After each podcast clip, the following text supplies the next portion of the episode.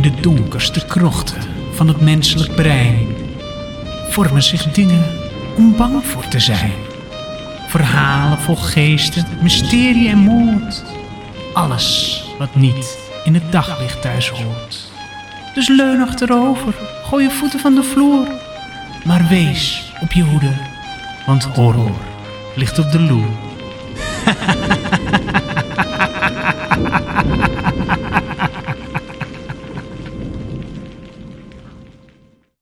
Welkom terug, lieve luisteraars. Welkom bij aflevering 4. Vorige week eh, hadden we het verhaal van de fietser. De hoofdpersoon had hier mogelijk last van wanen of een psychose. Uh, hij dacht dat hij werd achtervolgd en hij voelde zich onnodig bedreigd met iets vreselijks tot gevolg. Heb je hem nog niet gehoord? Luister dan eventjes terug. Uh, aflevering 3, de fietser. Deze week komt mijn inspiratie deels uit mijn jeugd en deels van het verhaal de Slenderman Stabbing. Dat is een waargebeurd verhaal waarbij twee jonge meisjes een klasgenootje hebben vermoord. Omdat ze elkaar wijs hebben gemaakt dat het moest van Slenderman. Deze zaak is een voorbeeld van folie à deux. Uh, dat is een aandoening waarbij iemand met psychische problemen dit als het ware overdraagt aan iemand waarmee hij of zij in nauw contact staat. In het geval van de Slenderman stabbing uh, heeft een van de twee vriendinnen uh, wanen over Slenderman. En door hun nauwe contact heeft ze die wanen overgedragen aan haar vriendin. Uh, uiteindelijk geloven ze allebei heilig dat Slenderman ze in de gaten houdt en allemaal nare dingen met ze van plan is.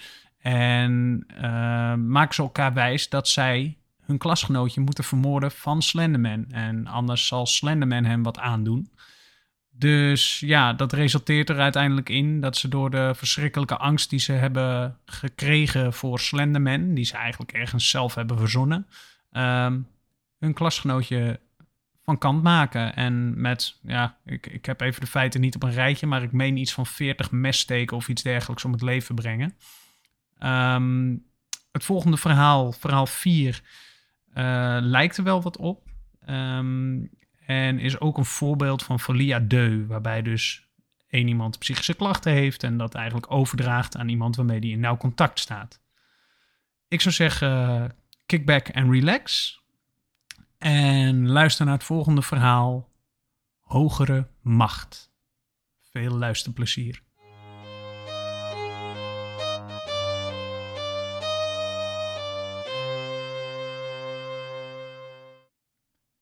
Jochem schenkt nog een glas whisky in. Thanks, antwoordt Ray.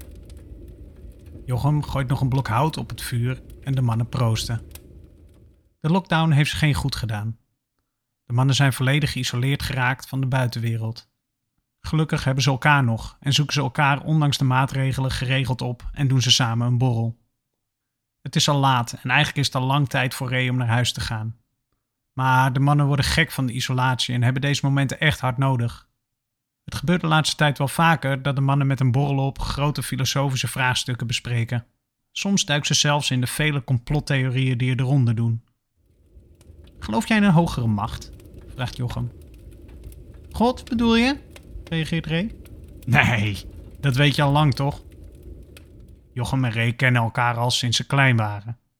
Ze hebben hun ups en downs gehad, maar kennen elkaar door en door. Ze zijn eigenlijk het tegenovergestelde van elkaar maar op een of andere manier werkt een vriendschap gewoon. Ik, ik bedoel niet per se God. Ik bedoel gewoon dat er ergens iets of iemand is die veel wijzer is dan wij. En die allemaal dingen kan doen die wij nooit kunnen bevatten, zegt Jochem. Ray trekt zijn schouders op. Ik weet het niet.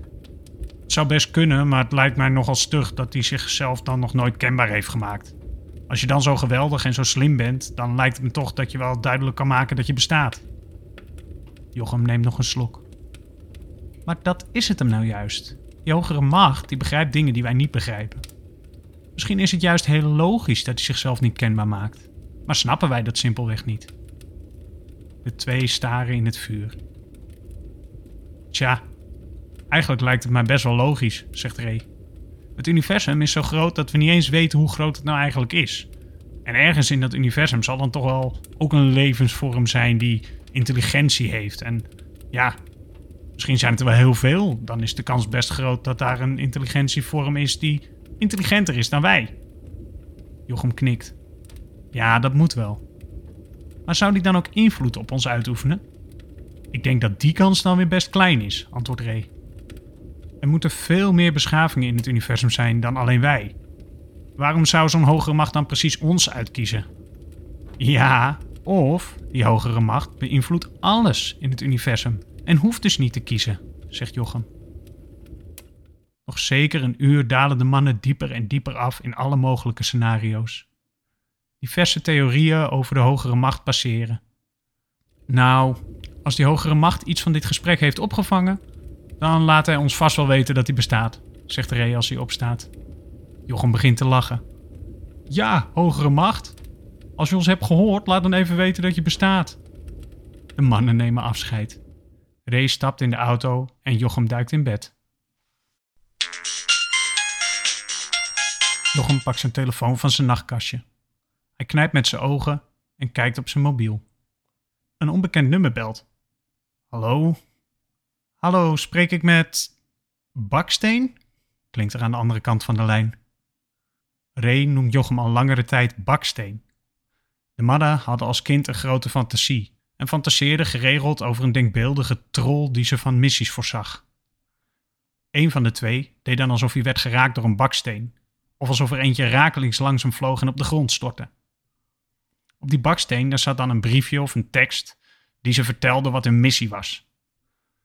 Ze stelden niet veel voor. Het kwam er vaak een beetje op neer dat ze dan monsters moesten bevechten en ja, de wereld moesten redden. Toen ze pubers waren, speelden ze dit spel al een tijdje niet meer, maar spraken ze nog geregeld over vroeger. Vanaf dat moment noemde Ray zijn beste vriend Baksteen, als herinnering aan het spel wat ze vroeger speelden. Jochem is verrast door het telefoontje. Uh, ja, ik bedoel nee, u spreekt met Jochem. Even is het stil. De persoon aan de andere kant van de lijn moet zich nu realiseren dat Baksteen een bijnaam is. Kent u de heer Van Dulme? Wij zien dat u het laatste nummer bent dat door zijn mobiel is gebeld. Jochem zit rechtop in zijn bed. Is er iets met Ray gebeurd? Uh, ja, die naam ken ik. Dat is een vriend van mij. Meneer, voordat ik u meer vertel, wil ik u vragen om even te gaan zitten. Ik, ik zit al, reageert Jochem ongeduldig en ongerust. wat is er aan de hand? Uw vriend is vannacht met de auto frontaal tegen een andere auto geklapt. Hij ligt bij ons op de intensive care en hij is nog niet aanspreekbaar geweest. Jochem is inmiddels opgestaan en trekt zijn schoenen aan. Welk ziekenhuis? vraagt hij. Een paar minuten later zit Jochem in de auto. Het is nog vroeg en hij voelt dat hij een kater heeft. Hij rijdt zeker 120 over een weg waar hij normaal 80 mag. Het is stil op de weg, dus hij is daarmee niemand tot last. Dan ziet hij zwaailampen op de weg. Jochem laat het gas los en rijdt nu met ongeveer 80 km per uur op de lampen af. Een groepje bergingswerkers en een agent staan bij twee auto's die duidelijk een ongeluk hebben gehad. Als Jochem beter kijkt, ziet hij dat het de auto van Ray is. Shit, zegt Jochem tegen zichzelf. Hier is het gebeurd. Als hij de zwaailampen voorbij rijdt, maakt hij onverwachts oogcontact met een agent die hem ongemakkelijk lang in de ogen aankijkt. Jochem rijdt nog steeds de maximumsnelheid, terwijl er zojuist een ongeluk is gepasseerd. Dat was niet zo handig, denkt hij. Als hij de lampen in zijn spiegels ziet verdwijnen, geeft hij weer extra gas. Niet veel later stroomt hij het ziekenhuis binnen. Ik kom voor de heer Van Dulme, zegt hij bij de balie. Hij is kort geleden binnengekomen en ligt op de intensive care. De vrouw achter de balie wijst Jochem erop dat hij een mondkapje voor moet doen en verwijst hem naar de juiste kamer. Jochem stormt de kamer binnen, waar een arts in een witte jas bij het bed staat en een andere arts een paar meter verderop druk in gesprek is aan de telefoon. Er hangt een nare sfeer. Jochem stormt naar het bed toe. Op het bed ligt Ray, bijna onherkenbaar door het bloed dat op zijn gezicht zit. De lakens zitten vol met rode vlekken. Een pomp helpt hem om te ademen. Verbijsterd staat Jochem aan het bed. De arts kijkt op van zijn notitieblok en kijkt naar Jochem. Bent u de heer Baksteen? vraagt de arts. Ja, ik ben Jochem, reageert Jochem. Gaat u even rustig zitten. Ik laat jullie zo even alleen. Jochem gaat op het stoeltje zitten dat bij het raam staat.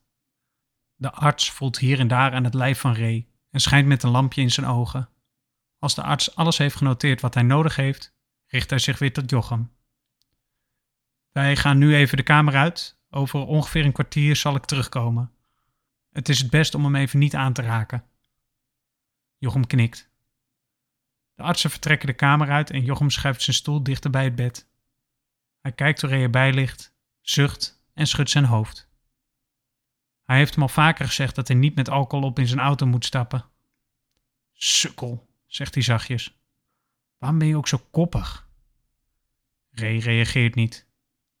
De lockdown en het gebrek aan contact met andere mensen heeft voor Jochem een grote impact gehad. Het voelt voor hem alsof hij plotseling iedereen is verloren. Hij heeft al meerdere malen hulp gezocht om hiermee om te gaan, maar door de enorme stijging van mensen met psychische problemen had niemand plaats voor hem. Nu ligt ineens zijn beste vriend in het ziekenhuis. Wat als hij hem ook verliest? Ineens denkt Jochem terug aan de avond ervoor. Zal dit een teken zijn? Waren ze onrespectvol? Was dit de manier van de hogere macht om hem te straffen? Of was het God? En heeft hij juist Ree gekozen omdat hij zijn bestaan ontkent? Het kwartier lijkt een uur te duren en Jochem lijkt langzaam gek te worden. Dat mondkapje dat steeds zijn bril beslaat helpt ook niet, maar elke keer als hij hem afdoet, wordt hij erop gewezen dat hij zijn mondkapje op moet houden en dat hij anders het ziekenhuis moet verlaten. Het lijkt allemaal wel één sadistische grap. Het mondkapje, het verliezen van bijna al zijn sociale contact en dan belandt de enige persoon met wie hij nog wel contact heeft in het ziekenhuis. Dit is toch geen toeval. Het moet een hogere macht zijn die zijn macht demonstreert. Maar waarom? Omdat ze erom hebben gevraagd? Ineens stapt de arts weer binnen. Jochem kijkt hem verwachtingsvol aan.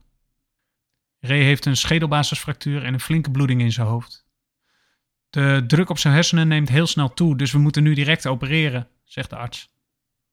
Voordat Jochem de vragen kan stellen die bij hem opkomen, stormt er iemand in een witte jas binnen die het bed meeneemt en de gang oprijdt.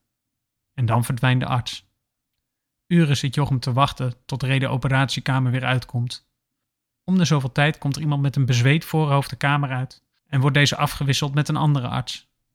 Na een tijdje wachten gaan de deuren open en wordt het bed de gang opgeduwd. Jochem schiet overeind en kijkt naar Ray. Zijn gezicht is niet afgedekt. Dat moet een goed teken zijn. Hoe, hoe, is het gegaan? vraagt Jochem aan de vrouw die het bed voortduwt. Daar mag ik niets over zeggen, antwoordt ze. Uh, leeft hij nog? vraagt Jochem. De vrouw kijkt Jochem moeilijk aan, maar knikt dan. Jochem volgt het bed dat weer de kamer in wordt gezet en gaat op de stoel naast het bed zitten. Het is buiten inmiddels weer donker geworden en Jochem zit al een paar uur stil bij het bed. Dan komt er een arts binnen. De operatie is geslaagd, zegt hij. Jochem ademt opgelicht uit. Dus hij komt er weer bovenop? vraagt hij. De arts kijkt op zijn vel papier om oogcontact te vermijden. Hij ligt momenteel in coma. Het ongeluk en de bloeding hebben een flinke klap aan zijn hersenen gegeven. Jochem schrikt. Hoe lang blijft hij in coma? Dat kunnen we niet voorspellen. Dat kan een paar uur duren, een paar dagen en soms maanden of jaren. Jochem stort volledig in. Het voelt alsof hij nu echt alles kwijt is wat hij nog had. De arts vertelt nog het een en ander, maar Jochem kan zich er niet op concentreren. Dan verdwijnt de arts weer. De dagen verstrijken en het begint er steeds slechter voor Ray uit te zien. Jochem komt elke dag in het ziekenhuis, maar er is maar weinig vooruitgang. De artsen hebben Jochem verteld dat de kansen erg klein zijn dat Ray er ooit nog bovenop zal komen. Nu, zo'n zes weken verder, komt Jochem nog steeds elke dag in het ziekenhuis. Jochem praat veel tegen Ray. En hij heeft hem al meerdere malen verteld hoe hij over de situatie denkt. Dat het een teken moet zijn geweest en dat het misschien wel God was die hen had gestraft. Hij weet hoe Ray normaal op zou reageren, maar die zegt nu toch niets terug. Jochem haalt aan het bed herinneringen van hun jeugd op en vertelt alles wat hij zich nog herinnert aan Ray. Op een avond zit hij naast het bed wat tv te kijken en te seppen.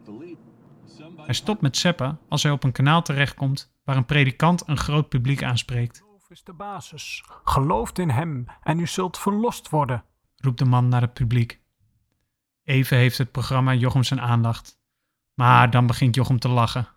Hij stelt zich voor hoe Ray had gereageerd als hij zag dat hij naar dit programma aan het kijken was. Net als Jochem de zender om wilt zetten, grijpt de predikant weer zijn aandacht. Hij kijkt Jochem recht in zijn ogen aan en zegt: Het derde biggetje bouwde zijn huis van baksteen. Waar komt deze uitspraak nou ineens vandaan? Baksteen. herhaalde de man op tv, terwijl hij Jochem diep in zijn ogen aankijkt. Ineens voelt het alsof de man op tv direct tegen Jochem spreekt. De man vervolgt zijn verhaal. Baksteen heb je nodig. Met baksteen kun je bouwen. Geen stro, geen hout, maar baksteen. Dit voelt bizar.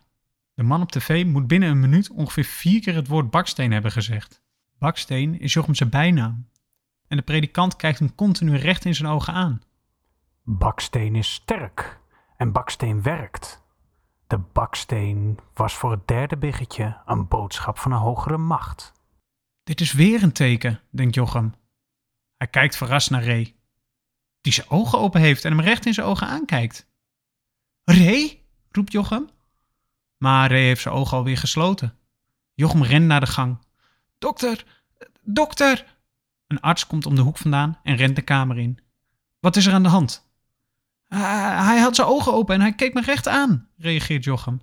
De arts doet snel wat testjes en noteert het een en het ander. Wordt hij weer wakker? vraagt Jochem opgewonden. De arts kijkt Jochem aan en zijn mond verandert in een glimlach. Dit hoeft niets te betekenen, maar soms is het een teken dat het coma minder diep wordt. De mond van Jochem valt open. wat, wat nu? Nu niets. We houden hem goed in de gaten en zodra hij meer positieve tekenen vertoont, proberen we hem te helpen om te herstellen. De dagen erna verbetert de situatie van Ray en al snel is er weer communicatie mogelijk. De gesprekken gaan moeizaam, maar Ray krijgt wel een aantal verstaanbare woorden uit zijn mond. Op een avond grijpt Ray de arm van Jochem vast en zegt: Het was Sjaak. Jochem kijkt hem verbaasd aan. Ray heeft al een paar dagen koorts. Misschien is hij aan het eilen. De hogere macht, zegt Ray. Jochem beseft zich dat dit niet het juiste moment is voor een gesprek met Ray en zegt tegen Ray dat hij beter kan gaan slapen. Het herstel van Ray gaat wonderbaarlijk goed en na iets meer dan een maand is hij vrijwel volledig hersteld. Jochem en Ray zoeken elkaar nu nog vaker op dan dat ze voorheen deden en het gesprek gaat geregeld over het ongeluk. Tijdens zo'n gesprek vertelt Jochem aan Ray over de avond dat hij aan het eilen was en wat hij zei. Ray loopt bleek aan. Wat is er? Je kijkt alsof je een spook hebt gezien, zegt Jochem. Ray moet zichzelf even bij elkaar rapen. Heb ik dat echt gezegd? vraagt hij. Jochem begint te lachen. Ja, idioot hè? Sjaak. Bedoelt hij onze fantasievriendje van vroeger? Sjaak de troll? Even blijft het stil. En dan knikt Ray. Ik weet dat het gek klinkt. Ik heb hem niet gezien of zo, maar die baksteen, Jochem wil weer gaan lachen, maar hij ziet aan het gezicht van Ray dat hij bloedserieus is. Ik heb er veel over nagedacht, maar ik wist niet hoe ik het je moest vertellen, zegt Ray. Jochem houdt zijn mond en luistert aandachtig. Ray vervolgt zijn verhaal. Toen ik naar huis reed, zag ik een tegemoetkomende auto verschijnen. Ik weet niet waarom, maar het voelde alsof er iets met die auto was. Alsof ik er iets mee moest doen. Ik staarde naar de auto en zag hoe hij dichterbij kwam. Ineens zag ik dat er iets op de weg lag. Het was een baksteen. Ik trapte direct op de rem, waardoor de auto naar de verkeerde weghelft slipte. Net voordat ik de auto raakte, zag ik wie er achter het stuur zat. Of eerder wat er achter het stuur zat. Jochem kijkt moeilijk. Wat zat er achter het stuur? Ray realiseert zich dat wat hij nu wil gaan zeggen er zeker voor gaat zorgen dat Jochem hem niet gelooft. Ray zucht. Waarschijnlijk zie ik dingen die er niet zijn. Ik had gewoon gedronken. Het is mijn eigen schuld. Jochem grijpt Ray bij zijn schouders. Ray, kom op. Je kunt het me vertellen, dat weet je. Ray schudt zijn hoofd. Nee, nee, laat maar. Je gaat me voor gek verklaren. Jochem lacht. Nou, dan zijn we allebei gek. Ik heb voor jou namelijk ook nog een leuk verhaal om te vertellen. Ray haalt diep adem. Het was een monster, zegt hij. Een monster? Hoe bedoel je? Het was een mens, maar ik zag iets in zijn ogen wat niet klopte. Die baksteen lag met een reden op de weg. Het was een teken van een hogere macht. Het was een opdracht van Sjaak. Verbijsterd kijkt Jochem Ree aan. De hogere macht had zich al lang kenbaar gemaakt, toen ze nog klein waren. Hoe konden ze nou zijn vergeten hoe levensecht het toen voor ze voelde? Jochem vertelt over wat hij op tv had gezien in het ziekenhuis, de nacht dat zijn ogen opende. Zie je wel, hij heeft ook jou benaderd. Hoe duidelijk wil je het hebben? Ik denk dat hij ons nodig heeft. Dat we moeten helpen. De spelletjes van vroeger waren geen spelletjes. Sjaak heeft ons als kind al voorbereid op onze taak. Wij moeten voor hem de monsters uitschakelen, zegt Ray. Ray legt precies aan Jochem uit hoe ze te werk moeten gaan. Een monster herken je aan zijn blik. Op het eerste gezicht lijkt het een normaal persoon, maar als je goed in zijn ogen kijkt, zul je zien dat hij slechte plannen heeft. Het is subtiel, maar je voelt aan alles als het niet klopt, vertelt Ray. Ze kijken je recht in je ogen terug en kijken langer dan de meeste mensen. Het voelt ongemakkelijk en je, je hebt het idee dat je iets verkeerd doet. Dan weet je dat het een monster is, zegt Ray. Net als die agent, zegt Jochem. Welke agent? vraagt Ray. Toen ik die ochtend naar het ziekenhuis reed, zag ik jouw auto en die andere auto op de weg staan na het ongeluk.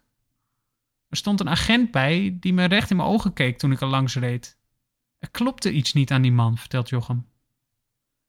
Ray staat direct op. Hoe zag hij er verder uit? Jochem geeft een nauwkeurige omschrijving van wat hij heeft gezien en wat hij heeft kunnen onthouden van het signalement van de agent. Wat zit je nog te doen? zegt Ray opgefokt. Hoe duidelijk wil je het hebben? Kom, we moeten het monster opzoeken. Het lijkt een krankzinnig plan, maar het voelt vertrouwd. Net als vroeger op missie om de monsters te verslaan. Opgewonden stappen de twee volwassen mannen in de auto en rijden ze naar het lokale politiebureau. Ze stoppen op een meter of dertig van de ingang aan de overkant van de straat. En nu? vraagt Jochem gespannen. Nu wachten we, zegt Ray. Als we het monster zien, dan volgen we het. En als we een kans zien, dan doden we het. Een rilling loopt door het lijf van Jochem bij de gedachte. Het is geen rilling van angst of afschuw, maar meer van enthousiasme. Een paar uur houden de twee iedereen die het bureau in en uitgaat nauwlettend in de gaten. Het is inmiddels weer diep in de nacht, maar ze hebben het monster nog niet gezien. De twee schrikken zich een ongeluk als er ineens op het raam van de bestuurdersstoel wordt geklopt. Een agent gebaart dat Ray het raam open moet draaien. En hij doet dat. Goedenacht, heren, klinkt er van buiten de auto. Goedenacht, agent, reageert Ray keurig. Mag ik u vragen wat u hier staat te doen? vraagt de agent. Jochem leunt voorover om te zien hoe de agent eruit ziet, maar hij kan alleen de romp van de man zien vanaf zijn plek in de auto. Mijn collega en ik hebben een lange reis gehad en ik merkte dat ik mijn ogen maar slecht open kon houden, reageert Ray. We moesten echt even stoppen voor een dutje, anders zouden we een gevaar op de weg zijn. Ik snap het, reageerde de agent. Helaas moet ik u vragen om u weg te vervolgen. U mag hier volgens de APV namelijk niet overnachten in uw auto. Als u nog niet helder genoeg bent, is er verderop een hostel waar u kunt overnachten. Ray verontschuldigt zich en start de motor. Mijn excuses, agent, we zullen onze weg vervolgen. Ray draait het raampje weer dicht en de agent steekt de straat over richting het bureau. Gaan we nu zomaar weg? En, en, en een monster dan? vraagt Jochem. Op Ray's gezicht verschijnt een contente grijns. We hebben beet, zegt hij. Even denkt Jochem na. Was dat... Jep, reageert Ray. Dat was hem. De adrenaline begint te stromen bij Jochem. Wat gaan we doen? Hoe gaan we het doen? vraagt hij onrustig. Kalm aan, reageert Ray op een kille toon. Laat Sjaak ons de weg wijzen. Dat deed hij bij mij ook. Ray parkeert de auto een stukje verderop en laat de motor draaien. De twee stappen uit de auto. Het is stil op straat. De twee lopen terug richting het politiebureau en houden de wacht tot er een auto van het parkeerterrein komt. De twee verschuilen zich in de steeg. Als de koplampen voorbij komen, kijkt Ray vliegensvlug om de hoek. Dat was hem, roept hij en hij zet een sprint in richting de auto. Jochem volgt hem en binnen enkele seconden rijden ze achter de auto aan. Lichten, sist Jochem. Ray zet snel zijn autolichten uit en volgt de auto op een veilige afstand. Na ongeveer een kwartier rijdt de auto een oprit op. Het is een mooi groot huis met een grote tuin. In de voortuin staat een speeltoestel met een schommel en een glijbaan. En naast het huis is iets in aanbouw, waarschijnlijk een garage. De man stapt de auto uit en steekt zijn sleutel in het slot van de voordeur, waarna hij het huis in verdwijnt. En nu? vraagt Jochem. Wat denk je zelf? reageert Ray. Uitschakelen. Het enthousiaste gevoel verdwijnt nu bij Jochem. Waarom doe jij het niet? vraagt hij. Ik heb er al één gedaan. Nu is het jouw beurt, zegt Ray. Gast, wat moet ik doen? Ik heb dit nog nooit gedaan. Ray gooit zijn stoel achterover. Gewoon gaan. Sjaak zal je helpen. Maak je niet druk. Jochem zoekt onrustig naar een smoes. Maar wat als hij mij doodt? Het is een getrainde agent. Ray begint te lachen. Gast, als Sjaak mij kan helpen om te overleven na een frontale botsing met 100 km per uur, dan is dit een eitje voor hem. Hij is de hogere macht, weet je nog? Jochem opent de deur. Natuurlijk is hij niet in gevaar. De hogere macht, die alles in het universum bepaalt, is aan zijn zijde. Er kan hem niets overkomen. Hij loopt vastberaden op de voordeur af en voelt aan de deurknop. Op slot. Hij loopt een stukje om het huis en klimt over de schutting naar de achtertuin. Bij de eerste de beste deur voelt hij weer aan de klink. Bingo, zegt hij zachtjes. Sjaak moet alles van tevoren hebben gemanipuleerd. Zo makkelijk had hij niet verwacht dat hij in huis binnen zou komen. Als hij de woning zachtjes instapt, komt hij in een klein bijkeukentje terecht. Een meter of drie verderop ziet hij licht onder een deur vandaan komen. Dat moet de deur naar de kamer zijn waar het monster zich bevindt. Zachtjes opent Jochem de deur en kijkt de kamer in. Als hij de kamer in kijkt, ziet hij het monster met zijn rug naar hem toe voor een schilderij staan van een prachtige jonge vrouw in een bruidsjurk. Niets vermoedend gooit de agent zijn pet op tafel en stopt hij zijn wapen in een kluis. Dan loopt hij naar het aanrecht en pakt er iets af. Het is een schermpje van een babyfoon. Hij lacht zachtjes als hij naar het schermpje kijkt, waar een baby van nog geen jaar oud ligt te slapen. Dan zet hij het schermpje terug op het aanrecht en draait zich om. Jochem is in de war. Hij ziet nu het gezicht van de man. Dit is niet de man die hij op de weg had gezien, de ochtend van het ongeluk. Dit is een andere agent. Dit is een vader en een echtgenoot. Dit kan geen monster zijn, denkt Jochem. Even aarzelt hij en dan sluipt hij zachtjes het huis weer uit. Een schuldgevoel overvalt hem. Ik had bijna een onschuldige man vermoord, denkt hij. Jochem klimt over de schutting om weer te vertrekken. En dan begrijpt hem ineens een gedachte. Wat als het nou wel het monster was? Waarom heeft de hogere macht me dan niet verder geleid om te doen wat ik moest doen? Ben ik eigenwijs? Wat als Sjaak me straft voor het feit dat ik zijn missie niet heb voltooid? Paniekerig schieten er allerlei gedachten door het hoofd van Jochem. Dan valt zijn oog op de garage die in aanbouw is. Steken een stuk of acht palen uit een betonnen vloer en een onafgemetselde muur maakt dat je goed kunt zien hoe het er uiteindelijk uit moet gaan zien. Een aangebroken pallet met bakstenen staat te wachten om gebruikt te worden. Baksteen, zegt Jochem zachtjes. Alle spanning valt in één klap weg. Dit is een teken. Dit is Sjaak, die me helpt, denkt hij.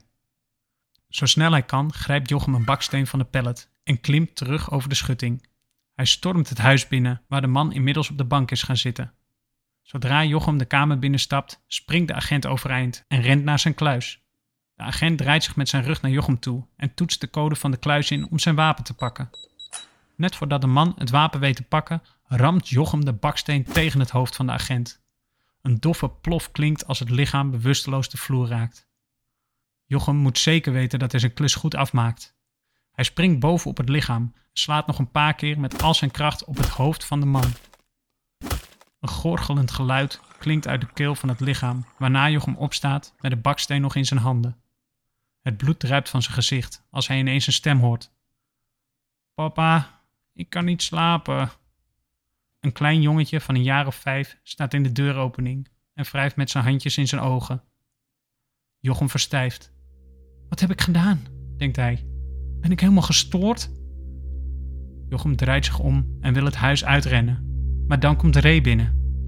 Je moet het afmaken, schreeuwt hij. Je bent gestoord, reageert Jochem. Dat is een kind. Ray loopt naar de kluis die nog op een kier staat. Hij pakt het dienstwapen van de agent eruit en richt het op het kind in de deuropening. Ray, niet doen, roept Jochem. Langzaam draait Ray zijn hoofd naar Jochem, terwijl hij het wapen nog steeds op het jongetje gericht houdt. Hij kijkt met een kille, gemene blik diep in de ogen van Jochem. De aanblik duurt net even te lang. Deze aanblik is iets totaal anders dan de aanblik van de agent bij het ongeluk. Ineens ziet Jochem het. Ray is het monster. Hij heeft bewust zijn tegenligger gedood. Hij heeft Jochem aangezet tot het doden van een vader en een echtgenoot en nu staat hij op het punt om een kind te vermoorden. Jochem houdt de baksteen stevig vast en vliegt op Ray af om hem op zijn hoofd te slaan. En dan